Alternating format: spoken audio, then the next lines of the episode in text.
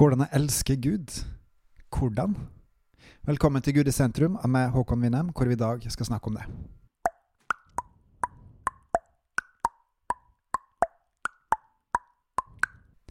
GT-loven oppsummert er to bud. Du skal elske Herren din Gud av hele ditt hjerte og hele forstand og all din sjel, og du skal elske din neste som deg sjøl. Det er det Jesus sa i uh, Matteus 22. Videre så er det også slik at vi lever jo ikke etter Den gamle testamentet lov, for Jesus oppfylte den loven. Og nå skal vi leve etter Jesu lov, etter Åndens lov i stedet, altså Nytestamentet-loven. Og hva er det Jesus sier der? Jo, vi skal elske Gud, og vi skal elske våre søsken, våre brødre, de som er i familie med.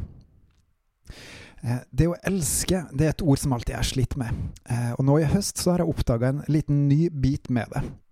Og det har jeg lyst til å dele i dag. Men først så må vi gå til en annen plass. Hva vil det si å elske? For de aller fleste så handler elske rett og slett om gode følelser.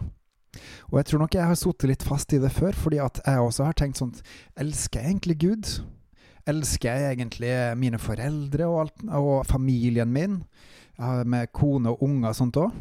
Hva, vil egentlig si å elske? Og så har jeg vært litt sånn i tåke, jeg har ikke skjønt helt hvordan alt henger sammen. Men én bit har jeg skjønt. Jesus har jo sagt at vi skal elske våre fiender. Og der er det jo sånn at vi skal det, det er jo ikke sånn at man skal gå rundt og nødvendigvis være veldig glad i fiender hvis man har det. Men det handler nok ikke om følelser, men mer at man skal gi. Fordi at agapekjærligheten, den o store kjærligheten, den handler jo rett og slett om at man skal gi uten å forvente å få noe tilbake igjen. Så når man skal elske sine fiender, så skal man, ikke, skal man ikke ha gode følelser, men man skal velge å gjøre godt mot de som man eventuelt er fiende med. Må ikke det være sånn også i forbindelse med familie og Gud? Fordi jeg vet at jeg elsker mine foreldre, kona og ungene mine, men allikevel så har jeg slitt lenge med å si det ordet. Og da har jeg etter hvert begynt å fundere på kan det være slik at det å elske Gud heller ikke nødvendigvis dreier seg om følelser, men at man gir til Gud? Og hva skal man da gi, er jo et stort spørsmål.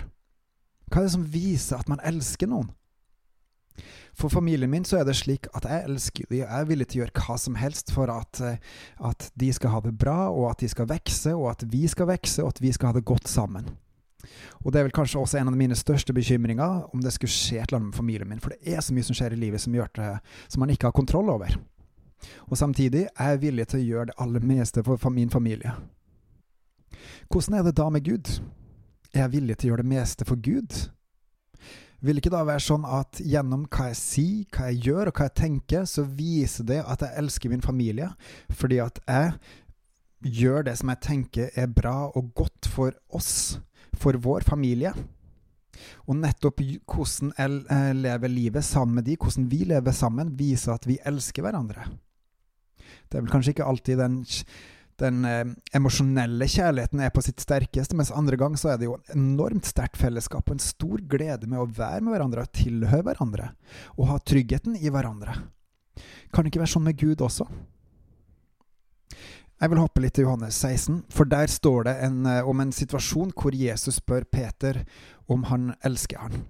Tre ganger spør Jesus om, elsker, om Peter elsker han, og tre ganger svarer Peter at han elsker han.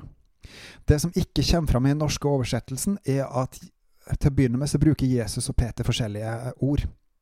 Jesus spør Peter første gang. 'Peter, agaper du meg?' Peter han svarer 'ja, jeg fileo det'. Og Forskjellen på de to er at agape den handler om å gi uten å forvente å få tilbake, mens fileo den handler rett og slett om at det er en gjensidig kjærlighet som gjør til at fordi man er, eh, er gjensidig glad i hverandre, så velger man å gi til hverandre. Gang nummer to Jesus spør igjen, Peter, agape du meg? Peter svarer, fileo, jeg fileo det. Tredje gang så spør Jesus Peter, fileo du meg? Og så svarer Peter, Herre, du vet jo at jeg fileo det. Av og til så kan det være litt vanskelig å vite om man har kommet til fileo. Kanskje er man bare der at man er på agape.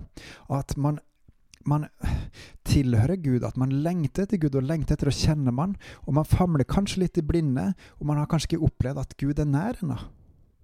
Og allikevel så velger man å bruke tid med Gud.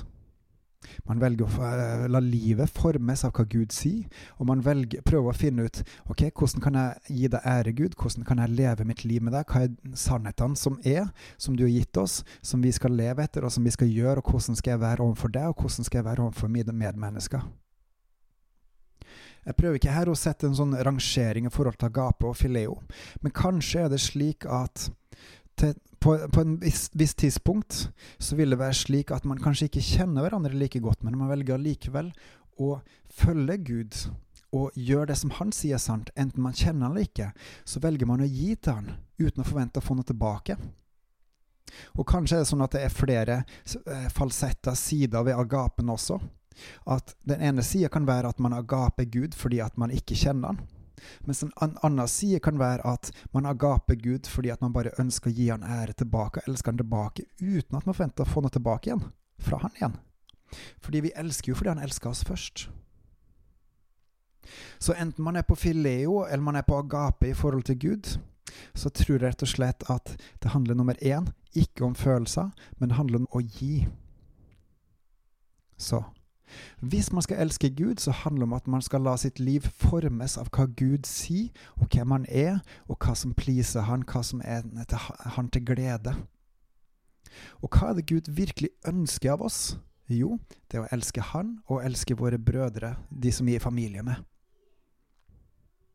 For meg så har dette vært en liten oppdagelse i høst, fordi at jeg har lurt på å elske egentlig Gud, og jeg har slitt med å si til Gud at jeg elsker Han. Mens nå som jeg har kobla vekk følelsene, og har skjønt mer at å elske Gud handler rett og slett om å leve livet sitt for Han, så kan jeg med mer frimodighet rett og slett bare si Gud, jeg elsker deg. Jeg er så takknemlig for alt det du gjør, alt du har gjort i mitt liv, og alt det andre du gjør her på jorda, og at jeg får lov til å være med å tjene deg. Så jeg er evig takknemlig, Gud. Takk. Og så kan jeg mene fra hjertet mitt. Det handler ikke om at jeg må føle at jeg er glad i han, men jeg vet at jeg er glad i han. Og jeg er så glad i han, og det vises gjennom hva jeg gjør, tenker og sier. Fordi jeg ønsker virkelig å vokse i helliggjørelsen. Jeg ønsker virkelig å være til ære for Gud og hjelpe til å bygge Hans rike og følge Hans plan. Og gjennom å gjøre det, og velge det aktivt, og vokse i det, og vokse i det med Den hellige ånd, så viser jeg Gud at jeg elsker Han. Gud Far, Guds Sønn og Den hellige ånd. Du er helt konge, og jeg elsker deg. Og jeg ønsker å bruke mitt liv for det. For at ditt rike skal vokse, for at flere skal få lov til å oppleve at du er konge, at du er Gud, og at du er ikke bare opphøyd, men du er også nær, nær hver eneste en som bøyer kne for deg og tilber deg gjennom Jesus, og få lov til å få hele din fylde bare ved trua. Og vokse deg og vokse i helliggjørelsen og vokse opp til å være fullmoden voksent barn av deg. Takk for at du har gjort det mulig, Gud. Takk for at du elska oss først, og at vi får lov til å elske tilbake. Helt frivillig. Bebels og på gjenhør.